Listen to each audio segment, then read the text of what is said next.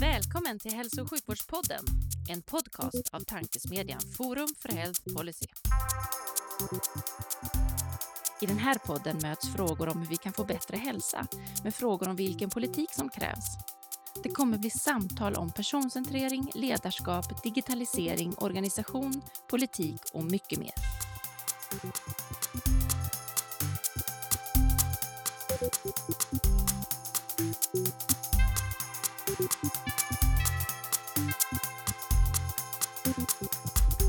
Hej och välkomna till Hälso och sjukvårdspodden, tankesmedjan Forum för Health Policies initiativ för att sprida goda idéer och tankar kring dagens och framtidens hälso och sjukvård och omsorg. Jag heter Magnus Lejelöw och arbetar till vardags för Colivia, men är även ambassadör för Forum för Health Policy. Och vid min digitala sida har jag idag förmånen att välkomna en rutinerad, klok och kunnig ledare från det svenska och internationella hälso och sjukvårdssystemet. Varmt välkommen Gunnar Nemeth. Tackar, tackar. Vad trevligt att ha dig här och trevligt att få börja och höra ditt svar på frågan. Hur tror du att svensk hälso och sjukvård ser ut 2040? Ja, det, tack för att ni bjudit in mig. Det är spännande att få vara med och, och prata lite kring hälso och sjukvården som är så angelägen för oss alla. Eller hur? Och dessutom så är det en fredag. Kan man göra något bättre än att prata om hälso och sjukvård en fredag som denna? Absolut inte.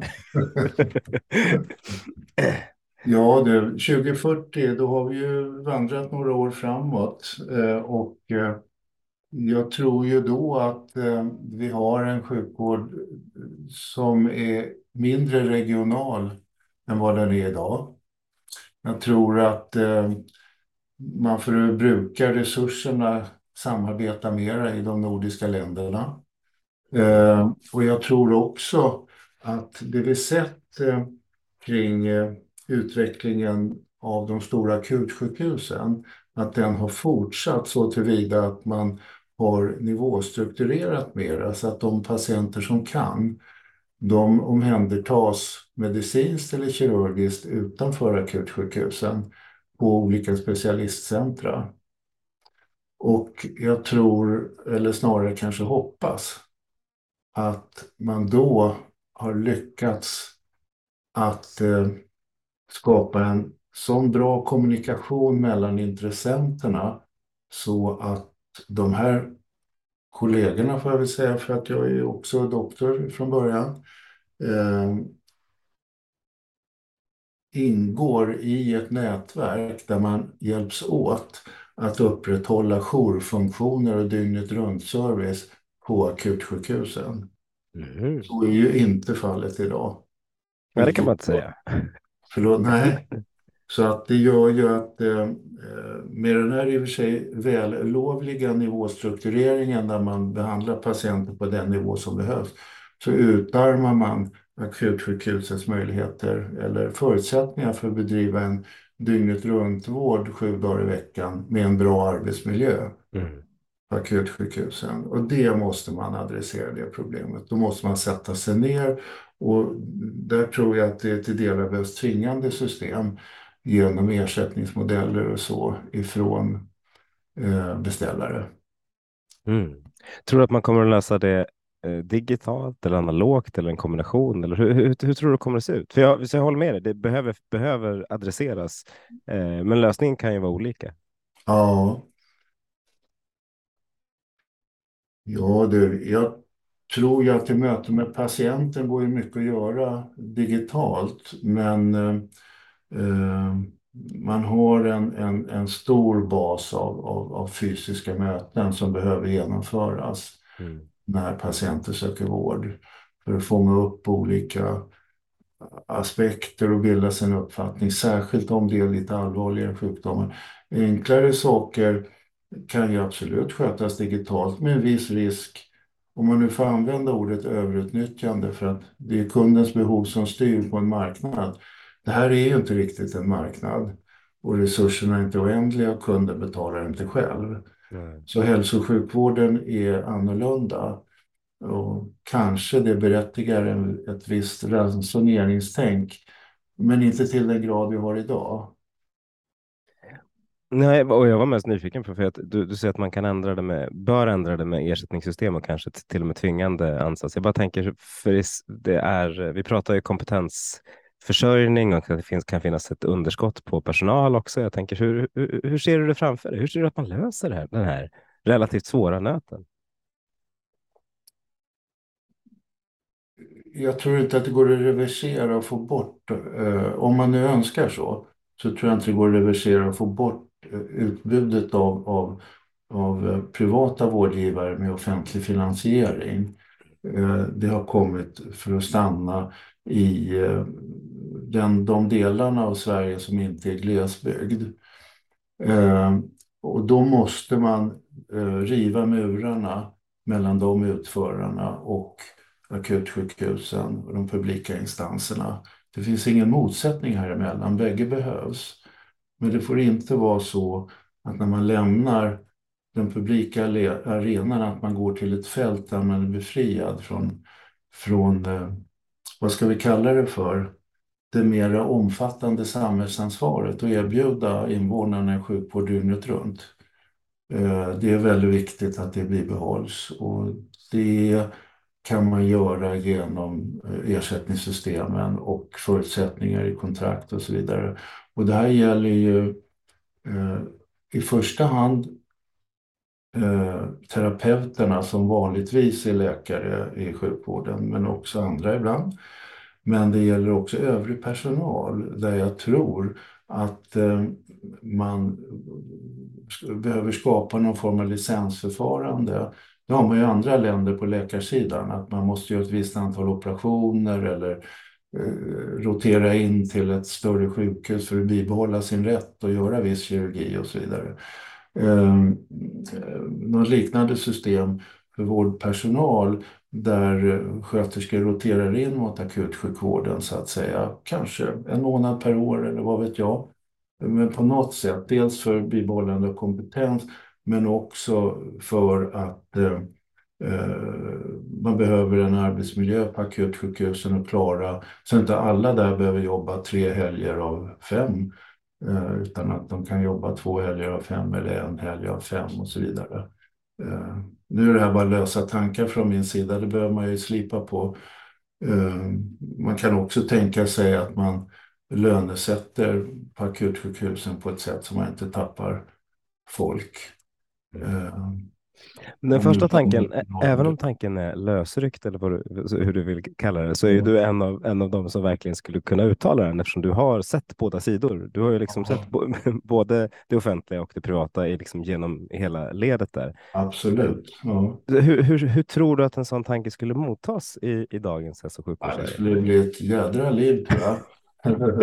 och eh, eh, idag på akutsjukhussidan i den gropen då talar man om att man blir bestulna på resurser och så vidare. Mm. I den andra gruppen på den privata utförarsidan så skulle man ju inte vilja förändra sin arbetssituation förstås ehm, och få de här utmaningarna med kvällstjänstgöring och sådana saker. Så det skulle vara olika motiv att motverka det här på olika sidor. Men för samhällets skull så behöver man gräva fram en, en, en lösning på det här. Och när vi la anbudet för Sankt Görans sjukhus en gång i tiden, då hade vi en modell med hubbar mm. där eh, det som vi föreslog då i den här nätverkssjukvården som man talade om på den tiden. Eh, där ett akutsjukhus var centrum i ett nav med olika eh, privata eller för den delen kan det vara publika specialistcentra kopplade till sig. Och där de kollegorna då roterade in och det var beskrivet vilka samverkansmöten det skulle vara, gemensamma utbildningsaktiviteter och så vidare. Och där också akutpersonalen kunde rotera ut till de här specialistcentren med andra typer av tjänstgöring och så. Så det har funnits en tankemodell för det här som naturligtvis behöver utvecklas och anpassas till dagens situation. Men jag tror man kommer att behöva hamna där. Och tittar man på många andra länder, till exempel Frankrike eller Schweiz eh, och till delar i Tyskland så har du praktiserande sjukhusläkare ute på stan som vissa dagar i veckan är inne på sjukhuset och jobbar mm. och så vidare. och Så vidare. Så att det finns, jag ska stänga av den här. Det här får du nog klippa. Ja, det, det, det, är så mysigt att se när verkligheten kommer ikapp även podden. Ett litet pling från en telefon gör ingenting. Vad sa du? Frankrike, Schweiz, det var jättespännande. Ja, just det. De har ju alltså system där sjukhusläkare verkar ute på stan och har mottagningar och, och, och, mindre kliniker där. Och sen är vissa dagar inne på sjukhuset och opererar eller eh, med, gör medicinska behandlingar. Till och med på flera, ett sjukhus en dag, ett annat sjukhus en annan dag. Eh, så det finns modeller av det här slaget. Eh, nackdelen med sådana modeller är att eh, läkarna blir lite grann av konsulter inne på sjukhuset, så att säga. Det får man väl diskutera hur man ska lösa det. Men, men jag har inte sett några stora nackdelar med det i det avseendet faktiskt. Mm. Så det, det, det farliga är ju, och det jag är rädd för, det är en amerikanisering av en sjukvård med tilltagande eh, försäkringssystem som tar över. Det är det jag är mest rädd för. Och, ehm, eh, och där måste den publika sjukvården lösa tillgänglighetsfrågan och servicenivån. För annars så kommer vi gå i den riktningen. Mm. Och vi, vi, har ju, det finns ju liksom delar att vi går åt den riktningen, men än så länge är det ju ganska, det är inte jättemycket som är försäkringsdrivet. Liksom. Vad, vad, vad, är det som du tycker tyder på, förutom då den lite sämre tillgängligheten, tyder på att vi är på väg åt det hållet? Uh, det är ju, uh, men tillgängligheten är en nyckel här. Mm. Menar, är du egen företagare, uh, får en, ta mitt område, då, en, en enklare knäskada, Eh, och du är tre stycken i firman, då måste du ha den åtgärdad inom några veckor, annars går företaget i konkurs. Mm. Eh, så. Eh, det finns varianter på det här. Till exempel i Holland, där är det är försäkringsfinansierat. Och, men där är, då, där är sjukhusen stiftelser. Och där är, ja, där är, eh, där är sjukhusen stiftelser och, eh, och alla måste vara anslutna till ett försäkringsbolag. Ja. Försäkringsbolagen, dels kan man byta försäkringsbolag och dels kan försäkringsbolagen då beställa sin vård från olika sjukhus. Mm. Så det är en hybrid på, eh, på ett sätt som ändå sätter press på sjukhusen att tillhandahålla god service och tillgänglighet och hög kvalitet. En, en, en, stor skillnad där är ju dock att de, det, är, det är väldigt liksom drivet från staten att det ska vara försäkring, en försäkringslösning. Jag vet, vi var, där på, vi var där på en studieresa och då var det, ja. liksom, står ministern tillsammans med försäkringsbolagets vd och pratar om det. Det skulle ju inte hända i Sverige. Nej, nej. nej. Men, men det är riktigt som du säger. Det är exakt så som du säger. Men, men det, det skulle kunna vara en möjlighet. Um, um, och jag tror att, och nu säger jag något som inte alls är politiskt korrekt. Oh, nu ser vi fram emot det. Ja, nu blir det spännande. och det är det att man tror ju så mycket på primärvården. Och det som har hänt med primärvården är att de har fått så otroligt mycket arbetsuppgifter mm. med eh, hälsosamtal, kontrollera medicinlistor och det var inte så länge sedan då en debattartikel i DN om att man måste utöka det förebyggande arbetet inom primärvården människor söker primärvård för att de är sjuka. Mm. Och de har mindre tid för det och det gör att det blir en propp i systemet och sen ska det vidare ofta till en specialist och då är det remiss. Och då är det liksom tre månader för att träffa en specialist istället för fem dagar med en privat sjukförsäkring. Och det här är inte bra. Och jag tror de flesta har ju valt sitt yrke inom sjukvården för att de vill bota sjuka människor. Mm. Så finns det andra som vurmar för för eh, naturmedicin och hälsa och förebyggande vård och så. Låt de eh, professionerna sköta det. Och de, för de är bättre på det och de tycker det är jättekul. Då får man en effektivare primärvård. Och sen är ju inte primärvård lika med allmänläkare som vi uppfattar det i Sverige. Mm. Utan primärvård är ju sjukvård bedriven i nära hemmet så att säga. Primary care setting säger de England. Och så det kan vara en specialist som sitter där ute. Eh, en organspecialist menar jag. Mm. Ja, men allmänläkarna är också specialister. Fast ja, där ska man inte, den fällan ska man inte trampa i. Nej, men exakt. exakt. Där är jag politiskt korrekt. Jag tycker också så faktiskt, på riktigt. Ja, ja, att de är helt oumbärliga för de ser hela helheten så att säga. Och så där måste man tänka om så att de får ägna sig åt sitt kärnuppdrag. Och då kommer vi få en stor förändring tror jag. Men skulle du vilja ersätta det från eh, liksom det allmänna, den här pre preventiva åtgärden som du nu sa, om vi nu låter andra eh, funktioner göra det? Ska man betala Friskis Svettis och ICA och vilka det nu är som kan bidra till, till liksom preventionen? Eller hur, Ja. hur ser du på det? Ja, ja, där tänker jag mer, ja jag tror faktiskt det, men inte ersätta de här kommersiella aktörerna. Det är ju mera, där finns ju en gråskala mellan att hålla sig i form genom att promenera eller gå och dra i snören på, på, på Sats eller något annat. Men jag tänker mer en förebyggande i form av, av eh, eh, verk, eh, propagera för blodtryckskontroller och Mm. tandhälsa och sådana saker. Eh, Jag, jag tänker på att det är fler. Det är liksom, apoteken gör det. Det finns ett antal aktörer som gör det idag som ju gärna Ja. skulle vilja bli ersatta för det. Ja. där systemet idag inte ersätter. Så jag är lite nyfiken på. Ja men absolut, och det är väl en jättebra aktör, apoteken, eh, som finns överallt och alla människor går till apoteket. Ja men det är absolut.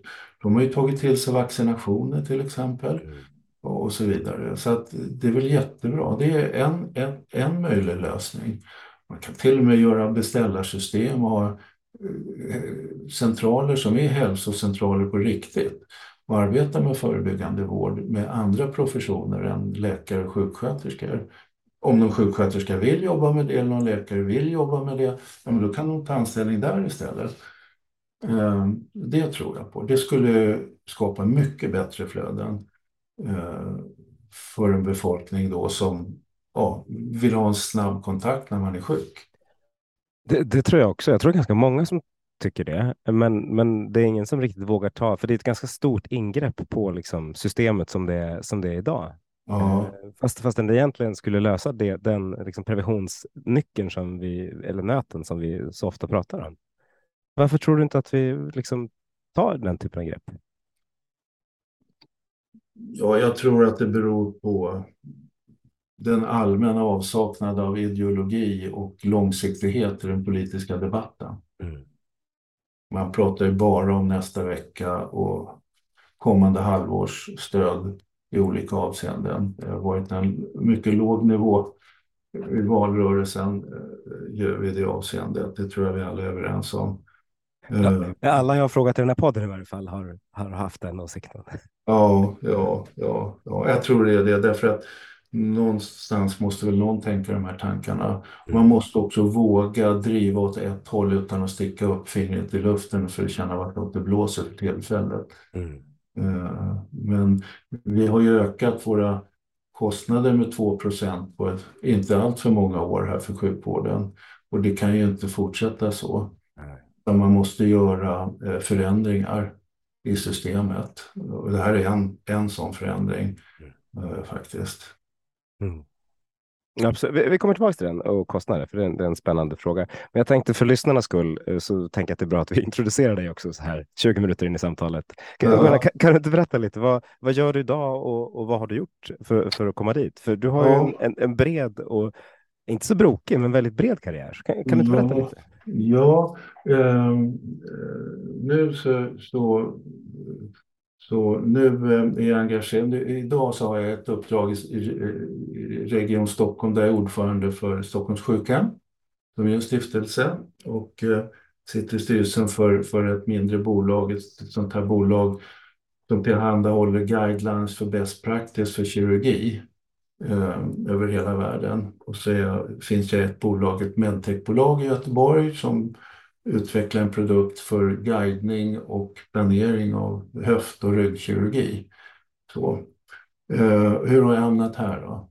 Jo, eh, det började med att jag faktiskt föddes på Karolinska sjukhuset eh, och sen utbildade mig vid institutet och eh, sen började jag efter att ha gjort AT och så, så hamnade jag sen på, på Karolinska sjukhuset där jag jobbade på ortopedkliniken i omkring 20 år och var chef de sista tio åren. Eh, och, eh, och där var jag med om att både introducera det här betalningssystemet eller ersättnings planeringsproduktions och ersättningssystemet som vi kallar för DRG, diagnosrelaterade grupper, i Stockholm, då var vi 92 till 94 har jag för mig.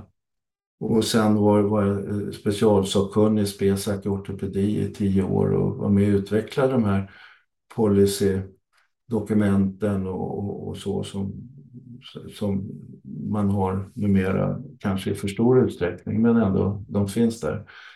Och eh, eh, sen var det också så att eh, jag har alltid varit intresserad av utveckling och lite entreprenöriell och så. Var med och drev en jourgrupp som heter Läkarjouren Nordost och vi hade alla primärvårdsjourer i, i regionen mellan 86 och fram till 95 då jag hoppade av det med ett 70-tal doktorer som cirkulerade. Mm. Uh, sen så var ju den här utredningen och jag följde det fram till hopslagningen av Karolinska Huddinge 1 januari 2004. Och eh, med allt större oro. Och sen tänkte jag få vara med här ett tag och känna hur det känns. Och det kändes inte bra och blev inte bra. Eh, så jag kände att det här kan jag inte stå för inför mina medarbetare, det som håller på att hända här. Eh, så jag hade ju hela tiden varit aktiv som kliniker också. Eh, så jag hade kapacitet fortfarande som ortoped. Och, eh, eh, så jag sa faktiskt upp mig då i april och i slutet av april kommer jag ihåg, under stor ångest. Det var ju mitt liv det där. Efter 20 år så... så, så det var ju fruktansvärt faktiskt. Eh, men då ringde Per Båtelsson som då var chef för Capio. Det är han som har skapat Capio. Mm. Undrade om jag inte ville jobba hos dem. Och min pappa var ju från Ungern så jag har varit otroligt mycket i Centraleuropa och Europa överhuvudtaget. Jag tänkte att det kunde vara jätteroligt och spännande. Vi hade också då genomfört en MBA-utbildning i Tyskland för, ja, för att känna lite annat och, och, få lite teori på det som jag hade jobbat med i många år. Och eh, så där var jag medicinsk chef för koncernen och sen chef för Sankt Göran i drygt ett år. Och sen var jag chef för koncernen i fyra år fram till 2011. Och på den tiden hade ju Capio, vi hade över 100 sjukhus i Europa och, och, och Sankt Göran här i Stockholm. Och eh, 2011 då hade jag blivit sjuk åren innan där, blivit opererad ett antal gånger. Så då växlade jag med Thomas Berglund, jag hade lite svårt att resa, som sen blev chef och förde Capio vidare på ett väldigt fint sätt och jag satt i styrelsen. Fram till det såldes då här 2019. Så från 11 då så har jag eh, varit min egen. Jag hade mycket uppdrag ute i Europa från nätverket och funnits med bolag. Och eh, eh, också varit med och öppnat Ryggkirurgiskt centrum, skapat det här som finns i Stockholm. Och nu är en av Europas största ryggkirurgiska kliniker med faktiskt bäst resultat, bästa kirurgerna. Så jag är väldigt stolt över. Nu har jag ingen relation till dem längre. Har klivit av det, nu är jag 70 år och gör eh, ja, mindre, fortfarande spännande saker. Men det här gör ju då att jag tycker mycket och relaterar mycket till europeisk sjukvård och delvis sjukvård i andra världsdelar, men framför allt europeisk sjukvård som skiljer sig från andra delar av världen får man väl säga. Ehm, och ja, halvtid eh, ägnar jag åt att gå ut med de två fina hundarna som vi har. Mm, så, så att det är, är, är, är också utvecklande. Ja, men eller hur. Kunna ha det på halvtid låter ju optimalt. ja, eller hur. Särskilt fina höstdagar som nu. Ja. Eh, det är många spännande frågor att, att, ta tag i här. Jag, jag tänkte fråga, börja med den europeiska frågan. Då. Eh, om du har liksom relaterat mycket till, till, till den europeiska sjukvården. Jag, jag minns att ni från Capio, eh, du stod på scen och pratade om att ni jobbade, liksom fick ta ansvaret över hela delar av Spanien eh, någon gång, det här måste vara typ 2011. Eh, vad är dina lärdomar eh, för, från att ha jobbat inom liksom, en, den europeiska delen? Vilka, var skulle du vilja bli sjuk runt om i Europa? Ja, då skulle jag bli sjuk i Frankrike. Frankrike? Ja. Varför skulle du alltså nu förstår jag att du inte, det är ett teoretiskt exempel, men var, ja. var, varför just Frankrike? Ja, därför att eh, de har en otrolig respekt för individen. Mm och tar väldigt noga hand om, om därmed av individen som ju är patienten på ett fint sätt. De är tekniskt drivna i sin sjukvård och eh, tillgängligheten är väldigt god. Mm. Och eh, standarden på sjukhusen är tillräckligt bra. Men eh, man blir omhändertagen som individ på ett väldigt professionellt sätt.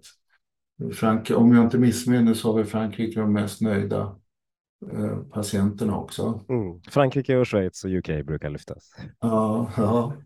Och, eh, men spansk sjukvård är också bra faktiskt. När vi gick in i Spanien där, när det nu var, eh, och blev förvånade över hur välutvecklat det var, de delarna vi köpte de sjukhusen. Mm.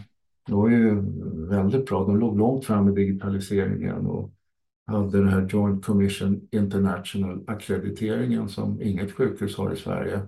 Som säkerställer god omvårdnad och gott omhändertagande och bra flöden. Eh, och där var vi också med och la bud i Valdemoro. Det var det du nämnde? Precis, va? jag minns att man fick både sjukhus och, och primärvård. Det var det som lät så ja, coolt när du pratade om det. Ja. jag minns inte Valdemoro, men jag minns att du pratade om det här. ja, men precis.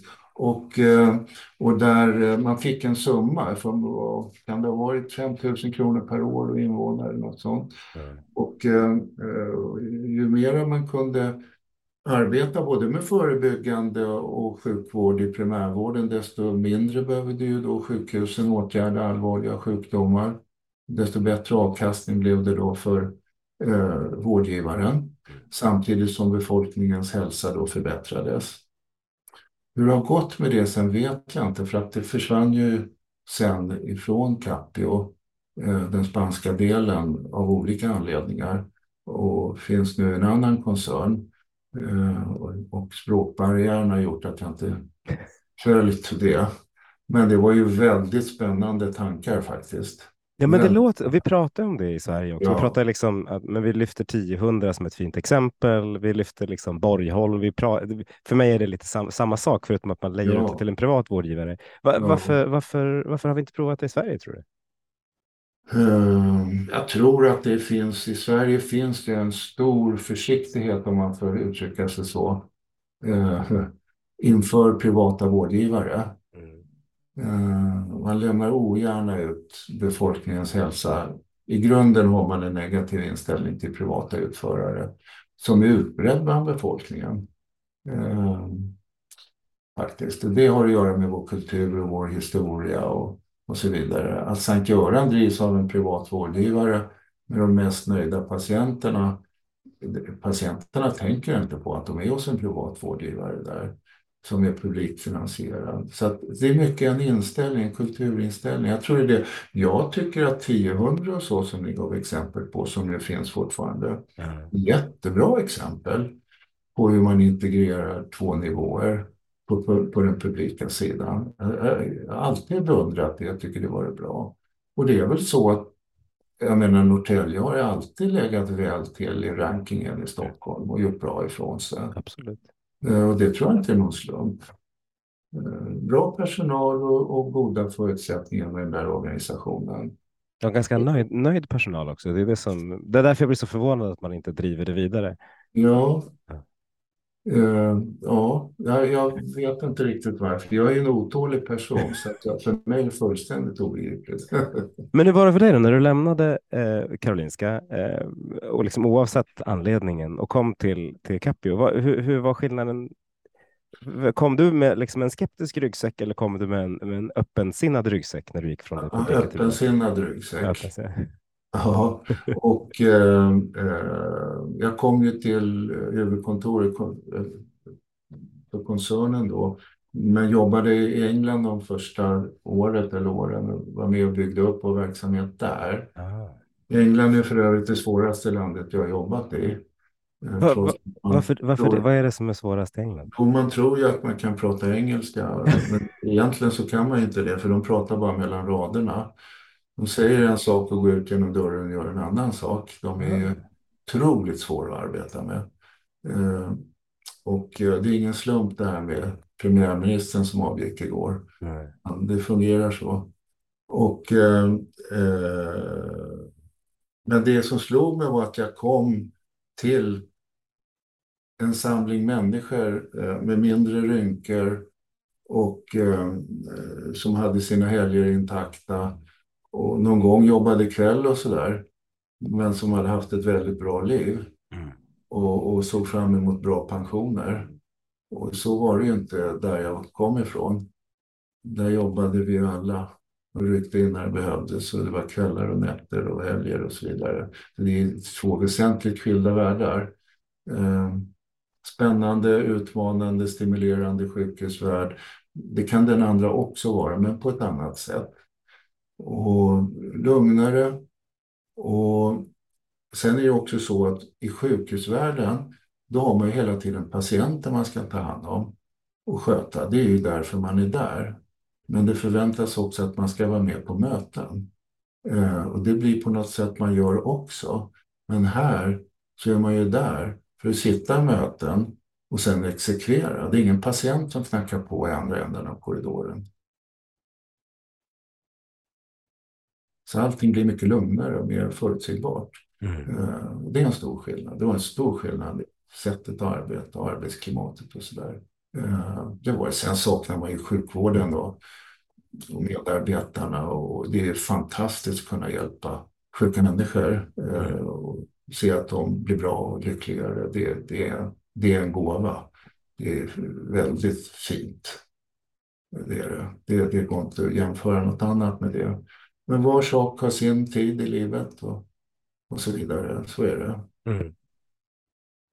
Eh, absolut, och du kommer från en klinik som verkar ha väldigt roligt också. Det, det, jag sett av, det jag sett av ortopeden på Karolinska verkar väldigt roligt. Det verkar som att alla är glada människor som gör roliga saker. Mycket, det var mycket så. väldigt mycket så. Eh, från det roliga till, du, du, du, vi nämnde när vi pratade guidelines och riktlinjer så sa du att vi, vi kanske använder dem för mycket, för, i för stor utsträckning numera. Mm. Eh, vill du inte utveckla det? För vi är ju mitt i en här, omställning till, till kunskapsstyrning och det är ju ett tramsigt begrepp egentligen, för vi har ju styrts av kunskap länge, men, men vi liksom gör det mer systematiserat eh, just nu. Hur, vad, vad är det du tycker är för mycket och hur tycker du vi borde göra? Ja, det var bra att du sa det där, för det är precis så jag tycker, så slapp jag säga det. eh, jo, eh, inom sjukvården är det egentligen två saker som respekteras. Nummer ett är kompetens. Och nummer två är kärleken och engagemanget till och för patienten. Mm. Då blir man respekterad i sjukvården. Och eh, det är ju kunskapsyrken. Allas uppdrag i sjukvården är kunskapsyrken. Och eh, på läkarsidan som är närmast löpande bandet, terapeuten är oftast en läkare. Mm. Eh, i det Patientterapeutmötet är oftast patientläkare. Det är extremt kunskapsintensiv utbildning och man förväntar sig att kunna vissa saker. Det som är faran med de här eh, pathways som man gör och detaljutformar behandling, det är att eh, man tar ifrån professionen incitamenten att hålla sig uppdaterade och tänka själva. Det är livsfarligt att bli en person vid löpande bandet. Mm. Man måste tänka själv, varje patient är en individ och så vidare. Det är bra att det finns grundläggande flödesvägar, eller vad jag ska säga. Men inte allt för, för eh, detaljerade handläggningar av, vad ska vi kalla det för, bröd och smörprocesser. Vi kan ta från min specialitet till exempel höftledsproteser eller behandling av vissa frakturer och så vidare. Och så vidare. Nu brukar professionen skapa nationella program och så vidare. Men det här drar ju, kan du tänka dig hur många timmar det gått åt till kunskapsstyrningen i Stockholmsregionen, alla möten? Ja. Det är många timmar det. Och de kommer oftast inte överens. Och det blir urvattnade dokument. Och det, och det här är samma sjuka som vi har fått inom det här med dokumentation, där man dokumenterar självklarheter som att patienten hör och ser och på en, en patient som opererar sig i öronen så dokumenterar man att den gått på toaletten idag och haft avföring. Det är fullständigt ointressant. Så att eh, eh, när du frågar vad som kan bli bättre så tog jag primärvården där som exempel och tillgänglighet. Men dokumentationsraseriet och där kunskapsstyrningen faktiskt är en del av det. Nu är jag inte emot kunskapsstyrning, men på en lagom nivå är en del av det. Det här genomsyrar, jag menar lärarna har fått samma börda mm. eller liknande och så vidare. Så, så det är väl framförallt det. Men sen finns det exempel som avviker och, och, och, som talar för att jag har fel. Och det är till exempel eh, eh, pathways man skapade i Danmark för cancervården. Det har haft god effekt. Mm. De har fått bort många köer. Så att eh, eh, det här är ett komplext problem. Och jag tror man ska se vilka områden ska man skapa de här kunskapsstyrningen och mera precisa vägar. Det ska ju vara mera ovanliga fall va? Eh, där man kan behöva den här hjälpen i att handlägga så att säga. Eh, det var en sak till jag tänkte på där som exempel.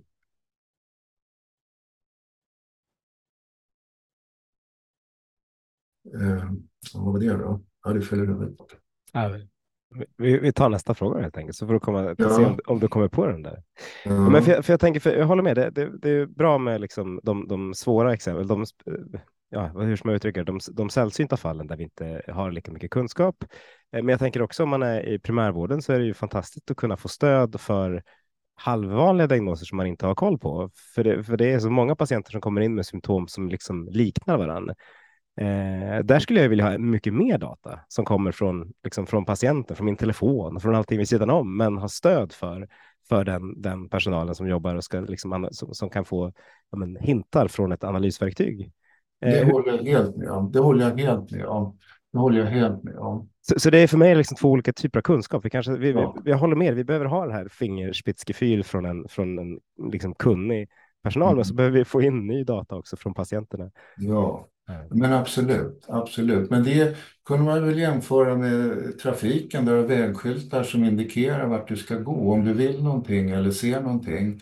Eh, eller om du behöver bensin, då följer du skyltarna mot bensinstation. Men det finns inga skyltar som säger att är det en röd bil så ska du åka där. Nej, det har du rätt i. Eller hur? Så att, att eh, det är väl något sånt. Eh, tror jag. Ja, bra. Eh, jag blev lite nyfiken på, du, du var ju inte helt positiv till sammanslagningen mellan Karolinska och Huddinge, eh, eller Solna och Huddinge. Och, och, det kan jag säga, jag kan köpa, det fanns, det var många som inte var positiva. Men eh, eh, ser du några, några saker som blev bra med det och ser du några farhågor som besannades? Eller hade du, hade du fel någonstans?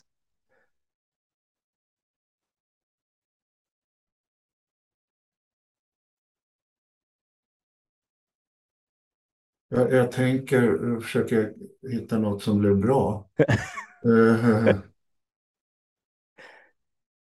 För jag tänker man fortsatte ju slå samman eh, sjukhus i Skåne sen efteråt och det finns liksom likheter i VGR. Så jag bara tänkte vad, man, vad, man fick, ja. vad du tycker man fick till sig. Sen behöver inte just du tycka det, men jag var nyfiken.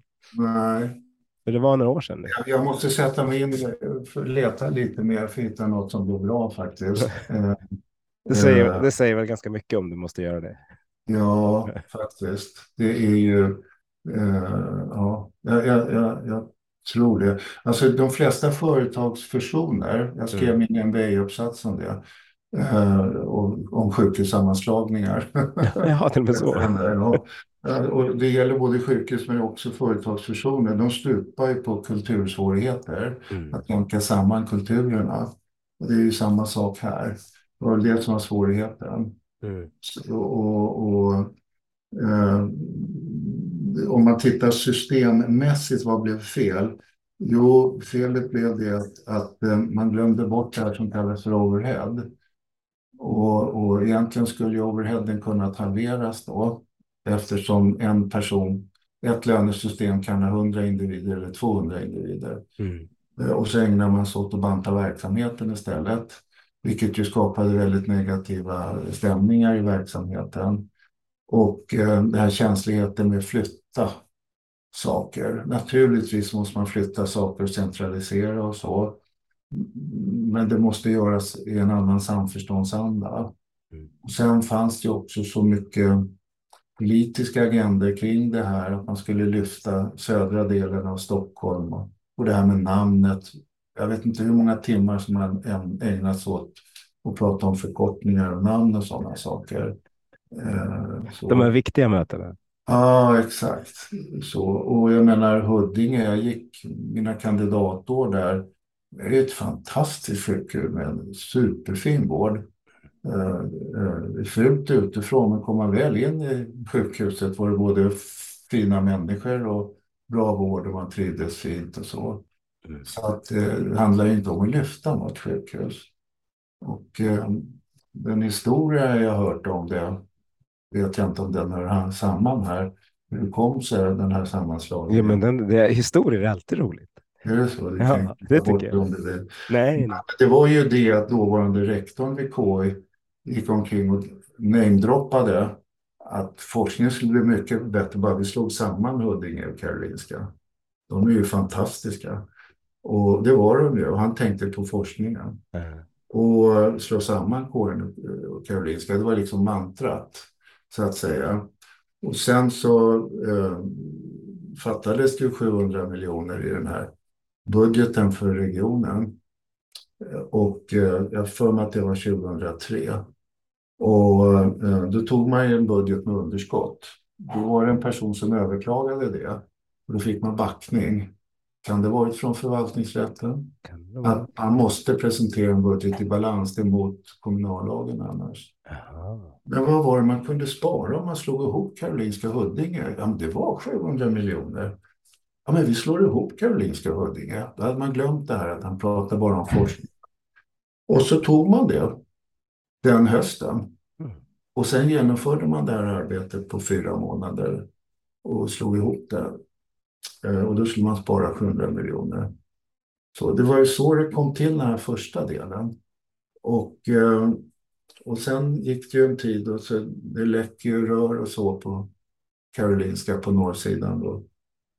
Och då skulle det kosta 7 miljarder att renovera.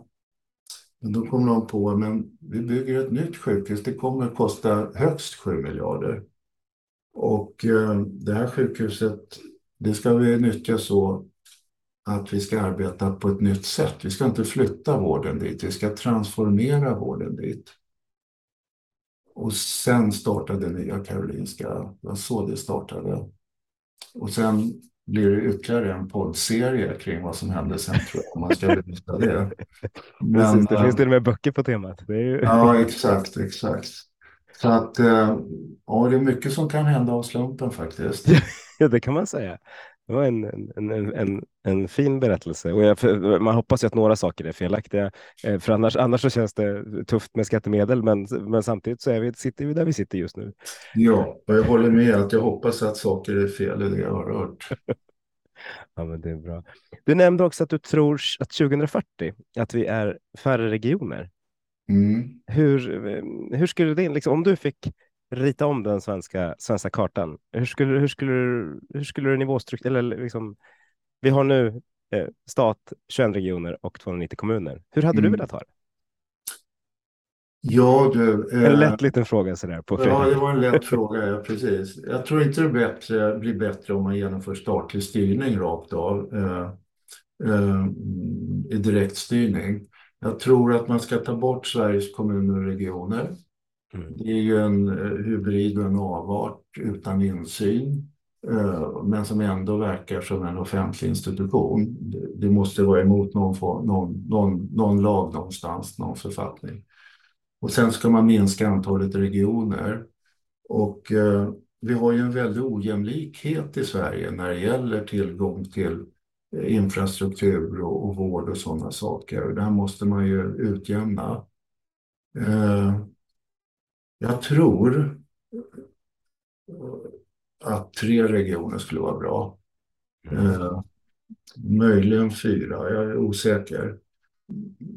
Men, med, med all den prestige som finns inom, ja. inom landet, hur hade du strukturerat fyra regioner om du bara fick Alltså för befolkningsmässigt så håller jag med dig. Det är tre eller fyra helt rimligt. Sen finns ja. det det här kulturella arvet som jag behöver. Ja, men precis. Jag vet, jag vet. Absolut. Nej, men det som behöver stöttas det är ju eh, Norrlandsregionen mm. med Umeå som centralort där. Och sen är det ju så att Uppsala, de kan ju inte serva sina egna invånare eh, med vårdplatser och så. Eh, för de tillhandahåller ju utomlänsvård eh, för många andra delar av Mellansverige. Mm. Eh, vilket inte har uppmärksammats, men det är ju ett problem. Eh, och sen har man då Stockholm och, och, och regionerna neråt. Man måste koppla det här på något sätt. Mm. Så att uh, Umeå-delen där får, får, får stöd och hjälp. Och, och uh, jag tror, om man delar in det på det här sättet så skulle man kunna tänka sig att delar av basåret till exempel för läkare måste uh, fullgöras då i elregion 1 om man tittar på elregionerna. Det är väl Norrland, det har jag för mig. Till exempel. Och att man kopplar då kanske Umeå-Uppsala i något avseende och sen Stockholm-Örebro eller Örebro-Linköping eh, på något sätt här. Jag, jag har ingen färdig lösning för det, men ojämlikheten är ju idag helt oacceptabel. Mm. Och med de resurser som går åt det är ju orimligt att tänka sig att de enskilda regioner ska klara det eh, faktiskt. Och centraliserar man vård, vilket är bra i många stycken, då utarmar man också den, den, eh, när, den vård som är närmare invånarna eh, på bredd. Och, eh, och till slut så lägger man ner sjukhuset, vilket ju inte är bra. Eh, och där är ju Tyskland ett föregångsland. De har gått för långt åt det hållet. De har för många små sjukhus ute i landet. Men de finns där i varje fall och de håller god kvalitet medicinskt. Eh, men vi behöver gå åt det hållet. Och då kommer återigen det här tänkandet med hubbar och central, centrala nav i de här hubbarna, fastän på en, en högre systemnivå. Eh, tror jag. Men det här är ju svårt att genomdriva. Det är många regionpolitiker som vill ha med sina jobb. Men, ja, men jag tror att vi måste dit. Det, det kan ju inte vara som det är idag. Ett sätt kan vara kanske att man får söka vård där i Sverige som man önskar. Mm. Då skulle ju folk rösta med fötterna. Och det skulle bli kaos i systemet. Det skulle tvinga fram förändringar. Eh, det är inte rimligt idag att vara fånge i en region utan resurser och vänta med sin prostatacancer för länge som de får göra till exempel. Om vi då landar här, för det, är ett teoretiskt experiment. Jag håller med dig. Det, vi behöver göra någonting. Frågan är vad, vad man kan göra. Eh, men, men sen har vi ju liksom, det finns ju massa ojämlikheter inom ta en stor region som Stockholm som ju har kommit rätt. Det, där finns ju rätt mycket centraliserat, men du kan ändå åka längs en tunnelbanelinje och så skiljer sig liksom hälsan radikalt. Hur, hur, om vi inte klarar av att göra det inom en region, hur, liksom, hur, ska, hur ska vi göra för att, för att bli mer jämlika i vården och hälsan? Men där tycker jag det är viss skillnad för att eh, tunnelbanelinjen åker mellan olika sociodemografiska områden och kulturer. Mm. Och där tandhälsan är mycket sämre i ena änden av, av tunnelbanelinjen och det påverkar befolkningens sjukdomspanorama och så vidare.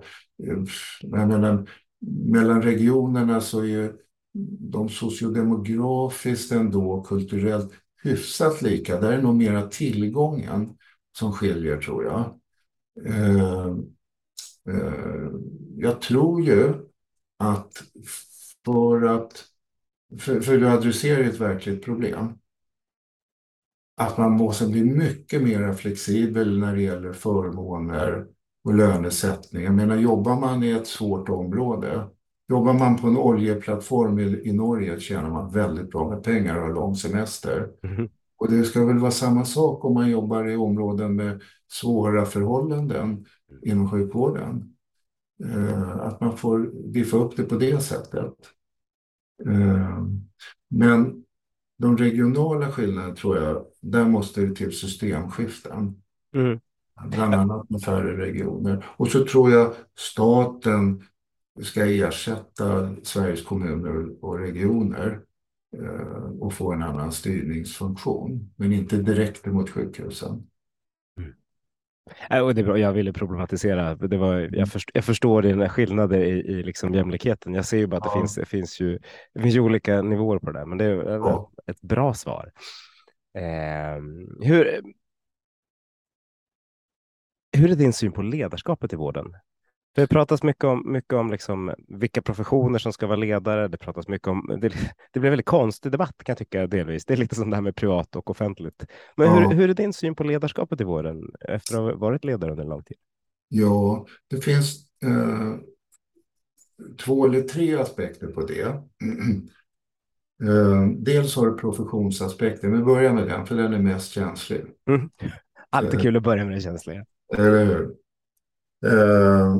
Och där är det ju så att det är svårt att hitta läkare som vill leda. Mm. Och många sjuksköterskor på ledande positioner. Och det beror ju på att dels är det en bra karriärsteg för sjuksköterskan lönemässigt och statusmässigt. Det är inte samma sak för läkaren. Mm. Eh, det beror också på att enligt min erfarenhet så är det lättare att hitta bra ledare om man tittar till ledar, eh, ledaregenskaperna per se i, sjuk, i sjuksköterskegruppen än i läkargruppen. Mm. Eh, sen blir det ett problem därför att i sjukvården så står, eftersom som jag nämnde tidigare, det är oftast läkaren som möter patienten och skapar kostnaderna, skapar kvaliteten, mm skapar patientnöjdheten, skapar komplikationerna. Eh, en ledare behöver ju kunna rätt mycket om det där för att kunna styra upp det. Har man inte tillräcklig medicinsk kompetens så är det otroligt svårt. Och läkarna hänvisar då till att nej, det går inte av patientsäkerhetsskäl eller det är inte medicinskt försvarbart. Det där måste man kunna utmana som ledare. Mm. Det är svårt att göra om man inte är läkare. Eh, om man leder en transplantationsenhet med avancerade organtransplantationer då skulle det vara svårt för mig som ortopedkirurg att tillräckligt kunna utmana de kollegorna när jag pressar dem på att jobba på ett effektivt och bra sätt med hög kvalitet. På en vaccinationscentral, ja, där kan en undersköterska ha tillräcklig medicinsk kompetens för att leda det på ett bra sätt. Så det är en otroligt komplex fråga. Mm. Vi behöver mera tillräckligt medicinskt kunniga som ledare i vården. Det är ett sätt att uttrycka det utan att skapa konflikter mellan professionerna. Men så är det. Och det är olyckligt att det blir två ben, ett omsorgsben. Jag menar, jag säger ingenting nedsättande om omsorgen och omhändertagandet, för det behövs lika mycket, om inte mera. Mm. Och efter, det, efter din bild av vad som var bra i Frankrike så tror jag inte heller att du gör det. Det här är bra, tack. Ja, det här är superviktigt. Eh, det vore olyckligt om, om det blir två rör så att säga. Mm. För det är ju verkligen, det hänger ihop det här. Så. Sen det, gäller andra självklarheter när det gäller ledarskap i vården som gäller överallt. Ledaren ska vara närvarande, delaktig, se sina medarbetare. Är du chef både på Karolinska och på Huddinge, då är du aldrig närvarande någonstans. För de säger att han, han eller hon är på Karolinska, och på Karolinska säger man han eller hon är på Huddinge. I själva verket sitter ledaren på ett möte för kunskapsstyrning på hälso och sjukvårdsförvaltningen. Eh, så. Det är självklart. Därför måste man ha avgränsade arbetsplatser med närvarande ledare och de ledarna ska också ha ett tydligt ansvar som man utkräver, men också tydliga rättigheter om generös delegation mm. där man utkräver ansvar. Eh, så. Jag, jag, jag, kommer från, från det privata rätt mycket. Där, ja. där, där har man liksom ett, ett, span of control på mellan 6 och 10 personer i det optimala. Det vill säga att man, ja. man har hand om... Och det, i hälso och sjukvården är ju det, kan ju det vara, variera från, ja, men, från mindre till men framförallt till väldigt mycket mer. Absolut. Hur, hur, hur kan man lära sig av det? Finns det liksom inte, borde vi inte lära oss av effektiva organisationer än mer? Jo, absolut, absolut. Eh, det som väl gör att, att man kan ha flera personer som rapporterar inom sjukvården, tror jag, det här vet jag inte, men tror jag är att eh, de jobbar så självständigt och 80 procent av uppgifterna är rutinuppgifter. Mm. Det är samma typ av patienter eller samma typ av åtgärder som löper under dagarna, men med olika individer som är föremål för omsorgen, olika patienter. Det är väl därför kanske, men ibland är det definitivt för stora grupper. Ja, för det är ändå medarbetare som behöver bli sedda, som behöver få utveckling, som behöver få massa saker som vi alla som individer vill ha. Absolut. Att, att bli sedd är ju liksom, det är ju en av meningarna med att gå till jobbet. Ja, det, lät, det, det lät ju som egot är viktigt och det är det ju. Ja, men absolut, absolut. Eh, och mycket av de här organisationerna där man gör en ortopedklinik och fyra sjukhus i en region, det fungerar inte så. Man måste ha enheter som är autonoma, men som tvingas eller där man skapar samverkan på ett bra sätt. Och det är en ledarfråga. Fisken ruttnar från huvudet och kulturen, kulturen sätts uppifrån och neråt. Man ska ha ledare som står för de här värdena. Eh, så. Sen har det varit en sån press i sjukvården så det är stor snurr på ledare. Så man är ju inne på fjärde, femte generationens ledare med mindre och mindre erfarenhet och kanske yngre och yngre. Och där det tvingas fram en större lojalitet mot överheten. Klart man ska vara lojal med chefen, men för mycket inte heller bra. Man kan inte alltid säga att patientsäkerheten inte är hotad när folk ligger 48 timmar på akuten på en hård madrass. Då har man gått för långt. Absolut. Eh, och ska man göra det lätt för ledare så behöver man ju ha bra saker att mäta så man faktiskt kan liksom titta på verksamheten och se vad som funkar och inte funkar. Vad, vad tycker du är liksom, din erfarenhet av själv? Vad är det bästa man kan mäta i, i, i vården? Liksom vilka parametrar eh, skulle du vilja att man mätte på och följde upp? En liten nätt fråga det också inser jag. Ja. Patientens upplevelse och nöjdhet är naturligtvis en basklang. Mm. Patienten ska vara nöjd och känna sig trygg och omhändertagen och sedd. Det är ju liksom basackordet. Men det är ändå så att när jag som patient ska välja sjukhus eller vårdcentral eller vad det är, så, så det är inte så lätt för mig att hitta, all, nej, liksom, se nej. var, var, skulle jag vara mest nöjd? Ja, men exakt, exakt. Eh, och där ska man väl, tycker jag ändå, vara väldigt tydlig och, och, mäta. Det finns ju, eh, utan att gå in på alla detaljer kring det här, så skulle man ju ändå grovt kunna säga att dels kan man mäta komplikationer när det inte gått som man har tänkt sig. Och ett sådant sjukhus vill, eller sån vårdinrättning vill man väl undvika. Gärna. Och eh, den andra änden av det är att se när blev det så bra så att mina dagliga funktioner är återställda när har jag en sån funktionsförmåga efter vården så att jag tycker att min livskvalitet är återställd. De två kanske man i så fall skulle prioritera och visa utåt. Ja, det hade varit spännande. Ja. Mm. Kul. Du, alltså tiden går så fort när man har roligt. Nu har vi pratat ungefär en timme. Mm. det, jag tycker det är lika häftigt varje gång. Eh, vad, eh, vad, när du kom in i det här digitala rummet, vad, var det någonting du hade velat prata om som du tycker att, att vi inte har pratat om? Nej, jag tycker att jag har väl tänkt på det mesta. Kul att få dela med sig av sina tankar och, och så. Eh, eh, nej, men med tanke på fokus för intervjun så tycker jag att vi har talat om det som känns relevant. Men vad bra. Vad ja, kul. Ja. Vad trevligt att höra. Men då tänkte jag tacka så varmast, både för att du lyfte, liksom, dela med dig av din, din kunskap och erfarenhet, men också att du lyfte fokus på respekten eller, eller hos, hos patienternas, patienterna i Frankrike. För det tycker jag är en, liksom en nyckel för att få svensk hälso och sjukvård att bli ännu bättre, att vi faktiskt ser patienterna. Mm, absolut. Tack så mycket Gunnar och tack alla ni som har lyssnat på Hälso och sjukvårdspodden. Nu går vi ut och förändrar svensk hälso och sjukvård till det bättre. Härligt. Tack själv. Hej då.